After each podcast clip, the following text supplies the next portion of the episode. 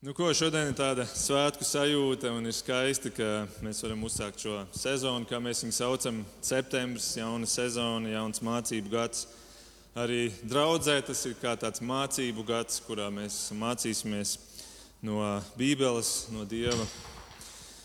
Un, eh, un ir skaisti svinēt šīs reizes, bet būsim godīgi. Mēs nosvinam, mēs pēc tam aizējām mājās un eh, mēs esam atpakaļ tajā savā ikdienā atpakaļ savā dzīvē ar visām tām savām problēmām, ar eh, tiem izaicinājumiem, kas mums katram ir. Un, eh, patiesībā jau arī šorīt mēs kaut arī šeit svinam svētkus. Eh, mēs katrs esam ieradušies ar savām problēmām. Kādam tas ir jaunais mācību gads, mēs šeit viņu svinam, bet kādam tas varbūt ir viņa lielākā šobrīd dzīves problēma un, un izaicinājums, ka tagad būs jāmācās Un, un viss, viss tas, kas stāv priekšā, vecākiem varbūt mazliet neziņas par to, kas, ko nesīs šis gads, vai būs atkal no mājām jāmāca bērni. Kādam tās ir finansiāls problēmas, izaicinājumi, kādam veselība, problēmas, izaicinājumi šajā jomā. Kāds cīnās ar attiecību problēmām, ar cilvēkiem apkārt un ar eh, visu to, kas ir saistīts ar, ar šo jomu. Kādam tās ir varbūt kādas problēmas pašam ar sevi, ar savu dzīves mērķi, ar, ar savu aicinājumu, ar savu vietu šajā dzīvē. Un tad mēs katrs esam šodien atnākuši ar šīm problēmām šeit. Tas, ko es vēlos tagad izdarīt, ir mazu klusumu brīdi uh, ieviest, uh, noturēt un mazu desmit sekundžu klusumu brīdi. Un, uh, Katrs no mums varam tagad eh, nolikt savā priekšā savas dzīves lielākās problēmas, kas, ar kurām mēs šobrīd cīnāmies dzīvē. Vienkārši nolieciet to savā, savu acu priekšā, lai viņi stāv līdz svētdienas beigām, turpat jūsu acu, jūsu kāju priekšā.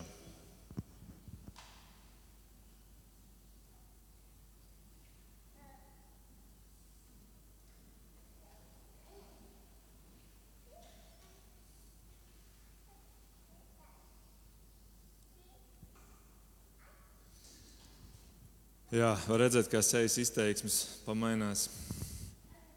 Jā, diemžēl šīs problēmas mūs ļoti ietekmē. Un, un um, šīm problēmām ir tāda mistiska spēja aizēnot visu to labo mūsu dzīvē. Ieraudzīt to, šo problēmu lielumu un aizmirst par to visu pārējo, kas mums ir labs dzīvē.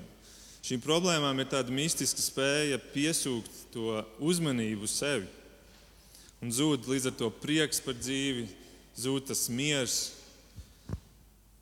zūd tas optimistiskais gaišums par nākotni. Un, uh, problēmas ietekmē ne tikai protams, mūsu pašu sevi, bet uh, tas ietekmē mūsu attiecības ar līdzcilvēkiem, un nenoliek, nenolieksim, tas arī ietekmē mūsu attiecības ar Dievu.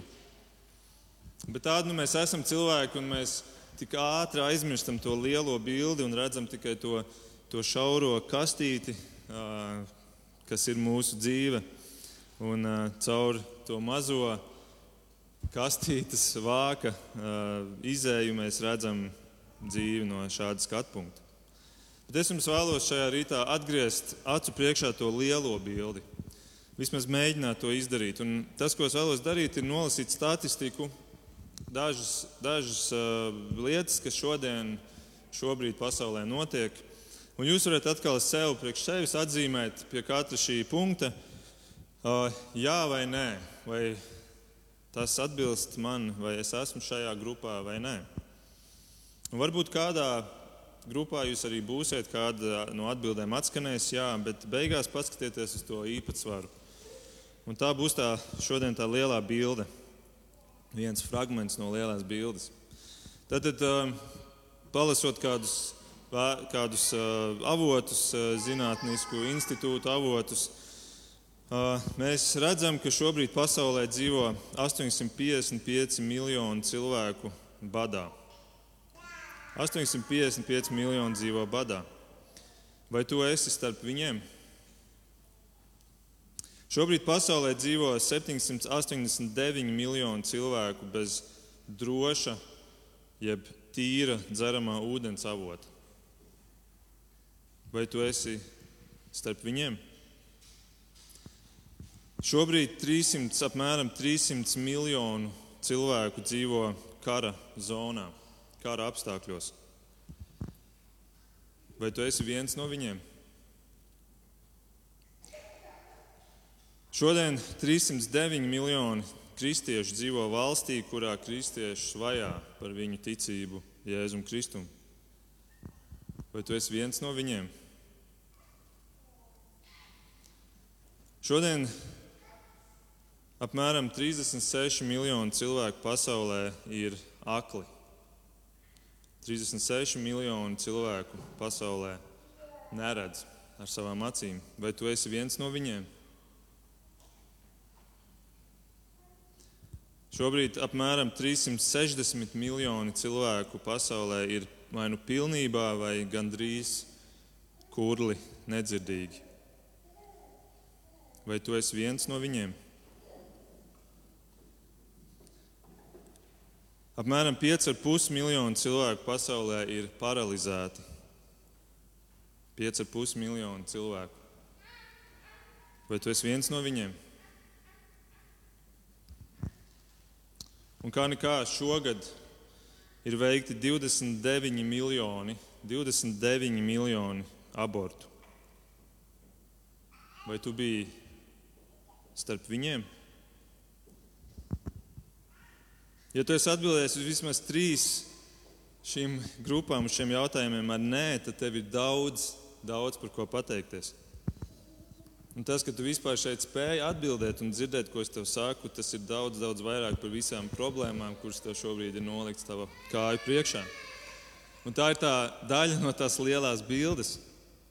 Un, ziniet, tur, turēt šo lielo bildi savu acu priekšā, tas nav tikai tāda nu, personīga izvēle tev. Kā, nu, ja es, labi, ja es tā paņemu laiku un padomāju par to, nu, tad, tad es jūtos labāk. Tas, ko šorīt vēlos tev pateikt, ir, ka tā nav tava personīgā izvēle. Patiesībā tā ir prasība. Tā ir prasība no paša radītāja tev šajā rītā. Dievs to prasa no tevis un no manis. Un to es vēlos parādīt caur to šodienas tekstu, kuru mēs jau lasījām. Tātad vēlreiz 50. psalma 14. pants nes Dievam pateicību kā upuri. Nes Dievam pateicību kā upuri. Dievs šos vārdus saka savai tautai Izrēlam. Un viņš to saka tāpēc, ka šī tauta to ļoti bieži aizmirsa. Bet, ziniet, jaunais Izraels, draudzene, mēs mūs sauc par jauno Izraēlu Bībelē. Mums tas arī ir jāatgādina. Un tāpēc es šodien vēlreiz saku, nes Dievam pateicību kā upuri. Mēs varam jautāt, nu labi, bet kādā ziņā kā upuri, ko tas īsti nozīmē? Lai saprastu to, es mazliet atkāpšos un mazliet apskatīsim īsi šo psalmu, kuru, mēs, kuru Mārtiņš lasīja ievadā. Tad šis psalms, kā jūs varbūt, ja jūs uzmanīgi klausījāties, viņš ir iedalīts tādās divās daļās. Pirmajā daļā Dievs uzrunā ticīgos, Otrajā daļā viņš uzrunās neticīgos. Pirmajā daļā viņš uzrunā ticīgos, viņš 7. pantā saka, klausies, mana tauta, es runāšu Izraēlai, es brīdinu tevi. Tad viņš runā uz savu tautu, viņš runā uz tiem, kuri tic viņam. Un, uh, viņš patiesībā runā uz tiem, kuri katru dienu arī praktizē savu ticību, jeb, jeb regulāri praktizē, jo viņi nes upurus dievam, Viņi nes kaujamos upurus, kā mēs šeit arī lasījām 50. psalmā. Un tad Dievs saka viņam šos vārdus: Klausies, Izraēl, es brīdinu tevi. Tātad viņš nesaka to ar tādu priecīgu noskaņu, bet viņš brīdina viņus, jo ir kaut kāda problēma. Ir kaut kāda problēma, kas viņiem bija attiecībās ar Dievu, un man ir jāsaka, kas arī mums, ticīgajiem, um, ir izaicinoši un varbūt arī problēma mūsu attiecībās ar Dievu. Proti, ka mums ir nepareizs skats uz dzīvi, uz šo lielo bildi. Arī šiem cilvēkiem bija nepareizs skats uz dzīvi, uz savu dzīvi, uz savu lielo bildi, jo viņu gadījumā viņi domāja, ka viss, kas grozās ap Dievu, ap attiecībām ar Dievu, ka viss tas būtiskākais ir kaujamie upuri. Pienes Dievam dzīvnieku upurus, jo Dievs bija noteicis, ka tādā veidā es varēšu izlīgt ar Dievu, ka es varēšu tādā veidā izpirkt savus grēkus Dievu priekšā, Dievs man piedos. Un jā, visas šīs prasības izpildīt bija jau pareizi, bet tā problēma bija tā, ka tā nav tā primārā lieta, ko Dievs sagaida no cilvēka. Tā nedrīkst kļūt par primāro attiecību veidu, veidu, kurā mēs ticību Dievam novienkāršojam, degradējam uz tādu rituālu izpildi. Arī šodien tas ir līdzīgi. Šodien mēs varam teikt, mēs esam kristieši, mēs, mums ir jāiet uz baznīcu, mums ir jālasa Bībele, mums ir jālūdz vēlams no rīta un vakarā. Un, un ja mēs to sākam nedarīt, nepildīt, tad, tad sirdsapziņa sāk runāt, ka kaut kas nav kārtībā mūsu attiecībās ar Dievu. Bet patiesībā Dievs daudz vairāk prasa no mums kā tikai kaut kādu rituālu izpildi. Un arī viņu gadījumā bija šis spilgtais apraksts, ko, ko mēs lasījām ievadā, kur Dievs saka Izrēlam, nevis tavu kaujamo upuru dēļ es norāju tevi. Tavi dedzināmie upuri ir vienmēr manu acu priekšā. Es neņemšu vēršus no tava nama, ne zāžus no tava ganāmā pulka, jo man pieder visi meža zvēri, visi kustoņi pa tūkstošiem kalnos. Man ir zināms ik viens putns gaisā, un visi lauku kustoņi ir manā ziņā. Ja man gribētos ēst, ja man gribētos ēst, tas nebūtu man jāprasa tev, tas nebūtu man jāsaka tev, jo man pieder pasaule un viss tās pilnums. Dievs Izrēlam atgādina to, ka man nav vajadzīgs tas, ko jūs man pienesat, kā kaut kādu rituālu. Izraels domāja, ka viņš var kaut ko pienest dievam.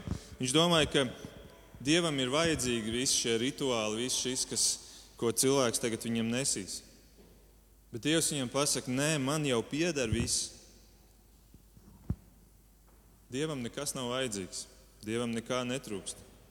Un patiesībā Dievam neesam vajadzīgi pat mēs, lai cik skarbi tas arī neizklausītos. Mēs neesam vajadzīgi Dievam. Un tomēr Dievs ir izvēlējies lietot mūs. Dievs ir aicinājis mūsu attiecībās ar viņu. Dievs ir devis mums šo milzīgo privilēģiju, ka mēs drīkstam tuvoties viņam. Bet neiedomāsimies, ka mēs varam viņam kaut ko pienest, kā viņam nebūtu. Patiesībā viss, ko tu un es un Izraels viņam var pienest, ir vienīgi pateicība. Tikai un vienīgi pateicība. Un tādēļ mūsu 14. pants saka, nes Dievam pateicību kā upuri nes Dievam pateicību kā upuri, un tu piepildīsi daudz vairāk nekā to, ko var piepildīt ar kaujamiem upuriem vai jebkādiem upuriem, kurus tu šodien vari pienest viņam. Nes Dievam pateicību kā upuri. Iedomājieties šo bildi savā acu priekšā. Tu esi, piemēram, Jeruzalemē, un ir tur priekšā altārs, un pie altāra stāv priesteris, un tu stāvi tādā rindā pie šī altāra un gaidi savu kārtu. Un tev priekšā, tavs cilvēks tev priekšā, viņš uzceļ uz altāra āzi, un šis āzis tiek nokauts, un tur asinis šļācās un iztek. Un, un tādā veidā šis cilvēks pienes šo upuri. Un, un tad priesteris paskatās uz tevi, un viņš saka, nākamais, lūdzu. Un tu pieeji pie šī altāra, un tu šī altāra uzcēli pateicību. Tu uzcēli uz altāra pateicību. Tu tā uzcēli savu paldies Dievam par to, ka tu esi dzīvs. Tu uzcēli uz tā savu paldies par to, ka tu spēj redzēt ar savām acīm, ka tu spēj dzirdēt ar savām ausīm. Tu uzcēli uz šī altāra savu paldies par to, ka tu spēj kustināt savus kājas un būt šeit. Tu cēli uz altāra savu paldies par to, ka tev nav jādzīvo badā. Paldies par to, ka tu vari dzert tīru ūdeni katru dienu, cik vien tev gribās. Tu saki paldies Dievam par to, ka tu nedzīvo karā, ka tev nav šobrīd jāatrodas Kabulas lidostā. Tu cēl uz altāra savu paldies par to, ka tevi nevajā šodien šeit kā kristieti. Tu cēl uz altāra savu paldies, ka tu drīksti pazīt Dievu, ka tu drīksti tuvoties Viņam, ka tu esi Kristus izpirks Dieva bērns nes Dievam pateicību kā upuri. Tas ir tas, ko Dievs pa īstam vēlās. Es domāju, varbūt šodien svētdienu nevajadzēja saukt tā, kā es viņu nosaucu, bet vienkārši, ko Dievs pa īstam vēlas. Ko Dievs pa īstam vēlas? Tā ir tava un mana pateicība. Tas ir viss, ko mēs vispār varam viņam pienest. Tas ir pamats tam, no tā pēc tam izriet daudz kas cits. Un Dievs vēlas no manis un tevis arī tavas problēmas, kuras tu esi nolicis savu kāju priekšā, tavus grēkus, kuri visticamāk ir daļa no tavām problēmām. Jā, viņš vēlēs arī tavus kaujamos dzīvniekus, jeb tavus upurus, šodienas valodā runājot. Bet daudz vairāk viņš vēlēs tavu pateicību. Jo kas gan tu būtu vispār bez viņa? Tu nebūtu nekas, tev viss nebūtu. Viss, kas tev ir, ir viņa dots, un pat tava glābšana ir viņa dota tev. Tavs prāts, kas spēj uztvert labo vēstu, ir tev viņa dots. Tavs ausis, kas spēj dzirdēt evaņģēlīju vārdus, ir viņa dots. Tavs acis, kas spēj lasīt Bībeles dziedinošos vārdus, ir viņa dots tev kā instruments līdz tavā dzīvē. Tagad es Mākslas akadēmijā ar studentiem runāju. Es viņiem katru gadu vismaz reizi mēģinu atgādināt par to, ka tu šajā dzīvē dzīvo ar instrumentiem, kas tev ir iedot līdzi, un tev ir jāapzinās, ka šiem instrumentiem ir autortiesības. Un tu nedrīkst iedomāties, ka tas, ko tu sasniedz savā dzīvē, tas ir tavs sasniegums, ja tu nepasaki paldies Dievam, tam, kurš tev ir iedevis līdzi šos instrumentus. Redziet, un ja es saku, ja es sāku savas problēmas celt augstāk par šo pateicību, es ar to patiesībā pasaku, ka es šīs problēmas neesmu pelnījis. Es esmu pelnījis kaut ko labāku, es esmu pelnījis labāku finansiālo stāvokli, es esmu pelnījis pārticību Dievs. Es esmu pelnījis veselību. Es esmu pelnījis respektu un cieņu no citiem cilvēkiem. Atbildi ir nē, Mārkus, tu neko neesi pelnījis. Tu neko neesi pelnījis, tāpēc ka viss tev ir Dieva dots, tas viss pieder viņam. Tava pārticība pieder viņam, tāpēc nepieprasi to sev. Tava veselība pieder viņam, tāpēc nepieprasi to sev.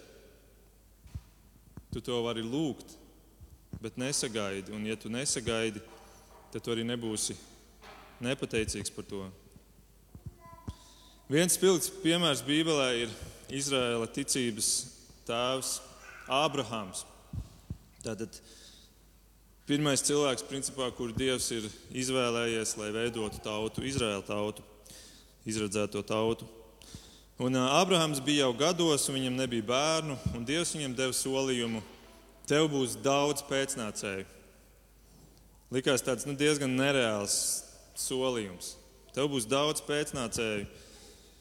Un no, no šiem pēcnācējiem pirmais būs tas apsolījuma dēls. Pirmais apsolījuma dēls būs Īzāks.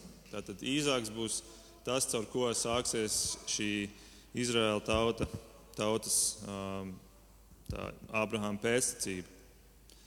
Un ko Ābrahāms izdara, tad, kad viņam Dievs dod šo solījumu?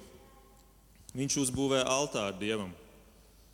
Un, uh, to kristietībā mēdz saukt par pateicības altāru. Jo vispār Ābrahāms uz, uzcēla četrus altārus, un katram iedod savus tādus nosaukums, bet tas pirmais bija tas pateicības altārs. Viņš pateicās Dievam par šiem pēcnācējiem, kurus viņš gaidīs. Un tad paiet daudzi gadi, un apsolītais pēcnācējs Īzāks tiešām piedzimst. Abrahām ir jau ļoti liels vecums, bet tomēr Dievs izpilda savu solījumu, un tas ir liels brīnums. Bet kas notiek tālāk? Dievs saka, tagad ņem savu vienīgo dēlu Īzāku dodies augšā kalnā, uzcelt tur altāri, atkal altārs. Bet šoreiz nevis cēl viņu kā tādu pateicības altāri, bet šoreiz uz šī altāra tu upurēsi to pateicību.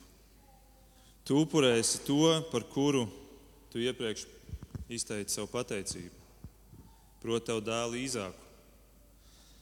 Un es ticu, ka Dievs to dara viena galvenā iemesla dēļ, lai pārbaudītu Ābrahāma ticību Dievam. Tādā veidā, ka prasa, kas ir svarīgāks - radījums vai radītājs.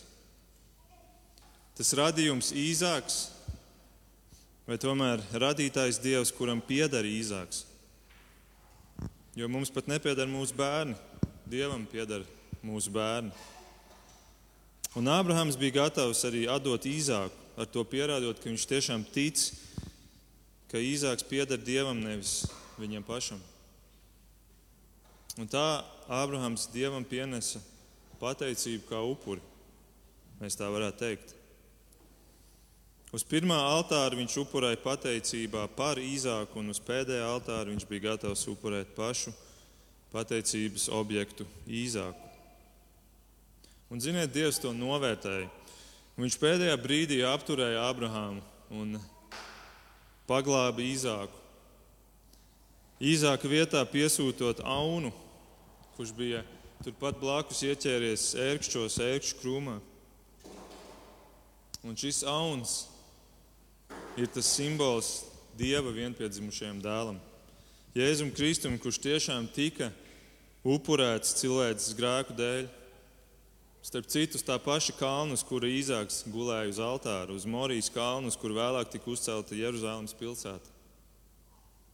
Tur nomira Dieva vienpiedzimušais dēls par taviem un maniem grēkiem, ja mēs piesaucam viņu ticībā, ja mēs nākam pie viņa grēka nožēlā un ja mēs nākam galu galā pateicībā, ar ko viss sākās.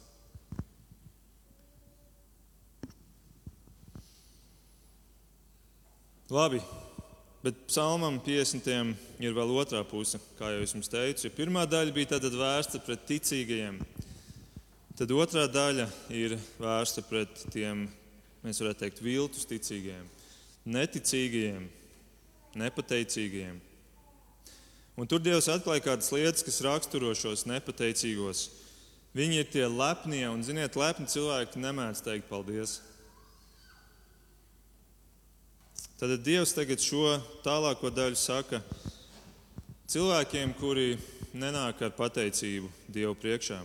Un tur ir kādas četras lietas, kuras Dievs piemin, kuras arī mums ir aktuālas, un mēs pret viņām varētu pārbaudīt savu dzīvi, lai pārbaudītu, kurā pusē mēs esam.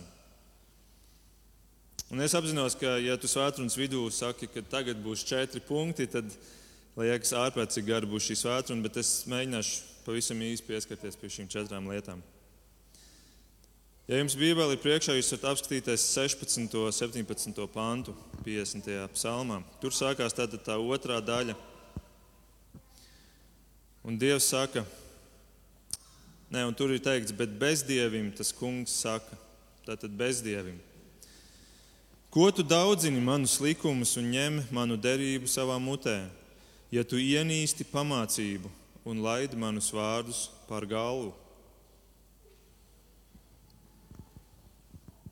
Tātad no vienas puses jāsaka, viņi izskatās taču pēc ticīgiem cilvēkiem, jo viņi daudzina dievu likumus, viņi ņem dieva derību mutē, tātad piesauc dievu. Viņi izskatās pēc ticīgiem cilvēkiem, bet Bet šeit rakstīts, ka tie ir bezdievi. Kāpēc? Tāpēc, ka patiesībā viņu dzīve liecina par kaut ko citu. Patiesībā izrādās, ka viņi ienīst Dieva pamācību. Jā, viņi runā, ka es ticu Dievam un varbūt pat citē no Bībeles, bet patiesībā, kad pasties uz viņu dzīvi, viņi ienīst Dieva pamācību. Te ir teikts un dieva vārdus viņi laiž pāri galvu. Un es domāju, tā ir arī liela problēma šodien. Mēs to varētu saukt par nebiblisko kristietību. Kristietība, kura saka, jā, es esmu kristietība, tātad Kristus sekotāji. Tikai nu, tā Bībele mums tā nav līdz, līdz galam pieņemama. Viņi piesauc Jēzus vārdu, bet patiesībā viņiem nemaz neinteresē, ko tad Jēzus īsti māca. Viņi Bībeli nelasa. Un, ja tomēr lasa, tad šķiro, kas patīk, to patur. kas nepatīk, to palaiž prom, to ignorē. Tā teikt, ticība pielāgo, kā sev ir ērtāk. Un šādai nostājai pašā saknē atrodas kas? Nepateicība. Nepateicība gal galā par to, kādu Dievs vispār ir devis savu skatījumu uz šo pasauli, savu vārdu, Bībeli. Negribās pieņemt Bībeles pamācību, kas varbūt kritizē manu dzīvesveidu, vai varbūt šodien, kas apdraud manu dzīvesveidu, ja es, piemēram, nostājos pret geju laulību um, legalizāciju vai, vai ieviešanu. Tas varbūt apdraud manu dzīvesveidu, manu reputāciju. Bet pateicīgs cilvēks turpretī viņš pieņems dievu viedokli un būs gatavs drīzāk mainīt savējo. Tā ir tā rakstura iezīme. Tātad pirmā dzīves joma ir attieksme pret Bībeli. Bībele. Otrā dzīves joma ir tava materiālā dzīve. Un tas ir 18. panta pirmais, pirmā daļa. Tur ir teikts tā, ka tu redzi zagli, tu esi viņam pa draugam. Kad tu redzi zagli, tu esi viņam pa draugam. Zakšanai pievēr acis. Ja jau tev, tu akceptē viņa dzīvesveidu, tad jau iespējams tas arī tavā dzīvē nav nekas slikts un uh, tiek akceptēts, pievērt acis arī šiem jautājumiem tavā dzīvē. Tātad varbūt es gatavs nelikumīgā veidā uzlabot savu materiālo dzīvi, Tā ir arī nepateicības zīme, pazīme. Jo tu neesi pateicīgs par to, ko Dievs tev dod vai ko tu vari iegūt likumīgā ceļā. Tev vajag vairāk. Tev vajag zakt nodokļus, jo maksājot visu likumīgu, tev paliek par maz. Tev paliek mazāk pāri un varbūt beigās par maz, lai tu domā, ka tu varētu tādā veidā normāli izdzīvot. Bet vai tā nav nepateicība Dievam? Nepateicība par to, ka Viņš tevi ir līdz šim uzturējis un ka Viņš spēja tevi uzturēt likumīgā ceļā. Tas pats ir ar filmām, datoru programmām, mūziku, citu autortiesībām, tavu roku, kāju, galvu, kas ir autortiesības.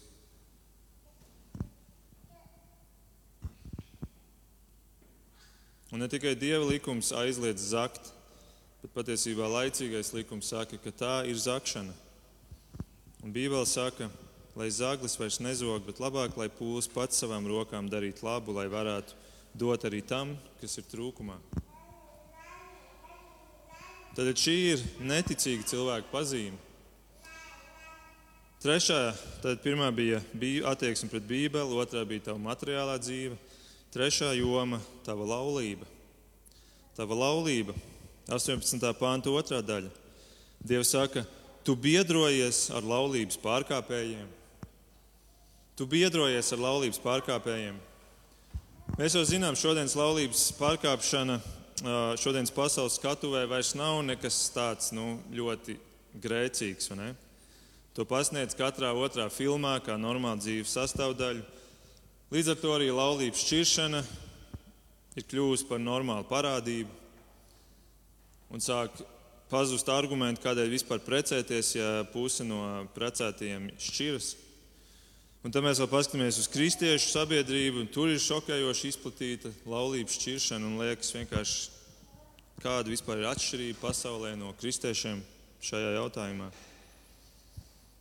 Vai atkal visam pamatā nav tas pats pateicības trūkums? pateicības trūkums Dievam par to manu sievu, manu vīru, kuru tu man esi devis. Tādēļ man ir jāpārkāpj laulība, man ir jāmeklē kaut, kā, kaut kas vairāk. Beigās jāšķir laulība. Tas viss notiek tādēļ, ka cilvēks kļūst neapmierināts. Bet neapmierināts kļūst tādēļ, ka dzīvo vispār ar nepareizu priekšstatu par to, kas ir laulība.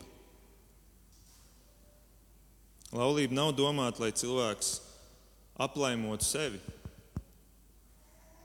Laulībai ir cits pamatiemesls. Pirmkārt, tas, ka laulības derība ir simbols tai tai derībai starp cilvēku un dievu, kuru dievs ir noslēdzis ar, ar cilvēkiem. Dievs apsola cilvēku nekad nepamest. To cilvēku, kuru viņš ir izpircis, nekad nepamest, nekad neatraidīt, vienmēr piedot. Un tādai pašai attieksmei būtu jābūt vīram pret sievu laulībā, jo tas ir tas pats simbols, derības simbols. Bet vēl lielāka nozīme ir tā laulībai, ka laulība ir domāta svētapšanai. Cilvēku svētapšanai, lai padarītu cilvēku līdzīgāku Kristum. Bībele saka, ka Kristus ir līgavains un draudz ir līgava. Un pasaules vēstures anālis noslēgsies ar to, ka pašā noslēgumā notiks lielas kāzas. Un šajās kāzās šī līgava draudzene tiks dota, piešķirta līgavainim Kristum. Bet līdz tam, līdz šai satikšanās, līdz šām kāzām, šī līgava tiek gatavota savam līgavainim. Un tas ir tas svētāpšanas process. Un atklāsmes grāmatas noslēgumā, 19. nodaļā, ir teikts, ir pienākušas jēra kāzas. Tātad Bībeles pašās beigās ir teikts, ir pienākušas jēra kāzas. Viņa sieva ir jau sagatavojusies, un viņa ir tērpta smalkā lina audumā, mirdzošā un tīrā. Es nezinu, kā jūs, es nekad neesmu redzējis un nekad neesmu bijis klātesošs kāzās, kurās līgava nebūtu tīra, smaržīga, sapucējusies, sakrāsota ar skaistu frizūru, ar ar tīru, perfektu kleitu. Tāpat ir vesela ceremonija pirms laulības ceremonijas, kā līgava tiek sagatavota. Tie, kuri filmē līgavu, jeb, jeb, jeb kāzas, ne, tie arī filmē parasti to daļu, un tā ir sastāvdaļa no visa kopējā. Un tāpat ir ar mūsu laulību, ar mūsu sievu un vīru. Mēs tiekam gatavoti lielajām kāzām ar Kristu. Un šī dzīve, šī mūsu laulība ir šis gatavošanās process. Jā, arī neprecējies cilvēks tiek gatavots tam citos veidos, bet mēs laulātie šajā veidā, īpaši šajā veidā tiekam, tiekam gatavot, un tas ir svētapšanas veids. Un līdz ar to, ja laulībā ir problēmas, nesaskaņas, sarūktinājums, tas nav iemesls šķirties. Nē, tu tiec caur šo attīrīts, tu tiec caur šo gatavots, tu tiec caur šo darīts svēts Kristumu. Pieņem to, pieņem to savā laulībā, ka tas būs, tā būs sastāvdaļa, tas notiks ar tevi. Bet nevis padodies, nevis meklē izēju no tā, bet strādā ar sevi. Pirmkārt, pirmām kārtām ar sevi, nevis ar otru, ar sevi. Un tava laulība mainīsies. Un tādēļ arī par laulību ir iemesls pateikt paldies, vienalga kāda ir mana laulība. Paldies Dievam, jo Dievs manu laulību lieto, lai mani gatavotu tikšanās brīdim ar viņu. Tātad attieksme pret Bībeli, materiālā dzīve, laulība. Un pēdējais, ko Dievs šeit piemin kā vienu no pazīmēm, ir tava runa tas, kas nāk no tavas mutes. 19. un 20. pāns. Savai mutei tu ļauj runāt vaļu, savai mutei tu ļauj vaļu runāt ļaunu, un tava mēlē pauž melus. Tu sēdi un runā ļaunu pret savu brāli, tu apmelo savas mātes dēlu. Tad vēl viena, kā šeit ir teikts, neticīga cilvēka pazīme. Vēl viena nepateicības pazīme - mēle, kas pasaka to, ko tavs sirds jūt. Tavs sirds ir nepateicīga. Tavai sirdī varbūt skauž, ka otram iet labāk. Tavai sirdī, tavs sirds jūt sarūktinājumu, ka otrs neizrāda to cieņu un sapratni pret mani, kā viņam vajadzētu. Tavs sirds nav pateicīga. Tavs sirds jūtas, ka ir pelnījis kaut ko vairāk. Un ko sirds jūt klusībā, to mēlē izsaka atklātībā, skaļumā. Un tā nav tikai citu aprunāšana, bet arī strīdēšanās par lietām, kuras pateicīgam cilvēkam nevajadzētu celt tik augstu. Ja viņš ir pateicīgs par to lielo bildi, kas viņam ir apkārt, viņam nevajadzētu strīdēties par šādiem sīkumiem. Un, piemēram, šodienas aktuālā tēma ir vakcīna pret covid-19. Ja? Dažreiz liekas, tiešām, tiešām šis ir tik svarīgs jautājums, lai mēs tagad laustu šķēpus un šķirtu ceļus.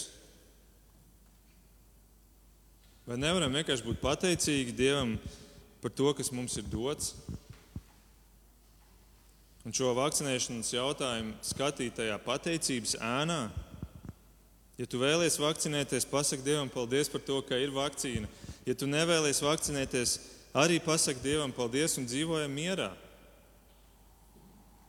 Bet ja mēs šo jautājumu paceļam tik augstu, ka sākam jau pat ļaunu runāt viens par otru, par savu brāli, par savu māsu, šķelt attiecības un pat šķirt ceļus, tad vai mēs ar to neatklājam, ka mēs esam aizmirsuši to visu pārējo, to lielo bildi, kurā mēs dzīvojam? Un tā ir liela nepateicība pret Dievu. Tāpēc, lai katrs vispirms pasakā paldies Dievam, un tad lūdz gudrību viņam šajā jautājumā, un tad lai meklē uzticamus informācijas avots, un tad lai izdara savu izvēli, un tad lai ciena pārējos un runā labu par viņiem nevis ļaunu. Kad tu pēdējo reizi kādam savam tuvākajam es pateicu, es pateicos Dievam par tevi. Es pateicos Dievam par tevi. Vienalga, kas mums ir atšķirīgs mūsu izpratnē par jautājumiem, bet es pateicos Dievam par tevi. Pasak to šodien savam brālim, savai māsai. Pasak to kādam šodien. Tā nu šīs četras pazīmes, es īsi pieskāros viņām. Tur būtu daudz vēl par ko runāt. Viņas atklāja neticīgus. Dievs saka šeit, Bībelē saka, bezdievus. Tavs pateicības trūkums redzams attieksmē pret Bībeles mācību, tavā materiālajā dzīvē, tavā laulības dzīvē un tavā runā. Bet, ziniet, arī šiem cilvēkiem ir cerība, un tā sākas ar to pašu pateicību kā upuri. Jo pēdējais pāns šodienas psalmā, ja jūs apskatīsieties, saka tā, kas pienes upurim pateicību, tas tur mani godā, un tas ir tas ceļš, kā es tam rādīšu pestīšanu. Pateicība sāk bruģēt ceļu uz pestīšanu. Un tā un es vēlos noslēgt, noslēdzot, pateikt vēl šo, ka tad, kad mēs sakam Dievam paldies, un es to esmu jau kādreiz pieminējis, kad mēs sakam Dievam paldies, tad patiesībā tas vārds paldies sastāv no diviem vārdiem, kas etimoloģiski ir cēlies no diviem vārdiem, un tas ir palīdzi Dievs. Paldies nozīmē palīdzi Dievs. Un ja tu saki, paldies Dievam, tad tu patiesībā ne tikai dari to viņam. Pateicība nav vajadzīga tikai Dievam, bet ar pateicību es pats palīdzu sev. Pateicoties Dievam, mēs svētījam pašu sevi. Un tādēļ, lai pateicība ir tas upuris, kuru mēs pienesam Dievam katru dienu. Viņš to vēlās, un tev to vajag. Un pienes pateicību Sākot jau ar tavu lūgšanu, tava mazā saruna ar Dievu, pirms tu sāc no rīta varbūt darīt lielās lietas, lielos darbus. Kāds ir teicis, ja tev rīt palikt tikai tas, par ko tu šodien esi pateicies Dievam, kāda būtu tava dzīve? Un kādreiz ir grūti, varbūt pat lūgt, trūkst vārdu, un, un liekas, ko es varu Dievam vispār pateikt, un arī man reizēm tā ir. Un tad es vienkārši saku paldies Dievam par visu pēc kārtas, ko es varu iedomāties. Līdzīgi kā Anta šodien liecībā teica par mazām lietām. Tīra pateicības lūgšana bez neviena lūguma Dievam. Un tad no tā vien tev paliek viegli, un tu sāc atkal ieraudzīt to lielo bildi. Cik daudz Dievs tev ir devis. Un tās problēmas kļūst ar vien mazākas un mazākas. Un tās problēmas, kuras tu šodien, pirms 40 minūtēm, tajā klusuma brīdī noliksi savā priekšā, es aicinu tevi noliec uz šī pateicības altāra. Pienes Dievam pateicību arī par šīm lietām. Pasaki Dievam paldies par viņām. Tādā veidā tu pateiksi, palīdzi Dievs, bet vienlaikus tu arī atzīsi, ka tu uzticies Viņam, ka tu zini, ka Viņš zina par viņām, un ka tu zini, ka Viņš tevi mīl, un ka tādēļ šīs lietas lietos tev par labu tavā dzīvē. Pienes pateicību kā upuri. Lūksim Dievu! Debes Tēvs, mēs Tev pateicamies par šo rītu, paldies par draugu, paldies par šiem svētkiem, paldies par mūsu bērniem, paldies par mūsu dzīvi, kurā Tu esi mūsu ielicis, kurā ir tik daudz skaista. Lūdzu, piedod, ka mēs tik bieži aizmirstam un, un uh, pievēršam savu skatu tām problēmām, kuras uzpeld kurš liekas, ka visu mūsu prieku un mieru noēda visu gaišumu. Bet uh, tu esi, kungs, paredzējis, ka caur pateicību mēs varam atgriezties pie lielās bildes un redzēt, cik daudz, cik daudz mēs esam svētīti, tevis svētīti. Un mēs gribam arī šajā septembra pirmajā svētdienā to īpaši tev teikt. Paldies, kungs, par visu, ko tu esi darījis mūsu labā. Paldies par visu, ko tu darīsi. Paldies, ka tu redzi mūsu problēmas, mūsu izaicinājumus. Un paldies, kungs, ka tu ej mums līdzi, ja mēs tev uzticamies, ja mēs esam tavi bērni. Un ja kāds šodien klausās arī šos vārdus un, un šie vārdi uzrunā, un šis cilvēks varbūt nav vēl tavs bērns, kungs, lūdzu, dod pārliecību un drosmi arī tuvoties tev Pirmkārt, pateikt tev paldies par to, ka vispār ir dots šī dzīve un ir dots šī iespēja dzirdēt un uztvert un ieraudzīt šo pasauli varbūt no jauna, no īstā skatu punkta. Lūdzu, svētī mūs visus, un lai tev vienam ir pateicība, gods un slava. Amen!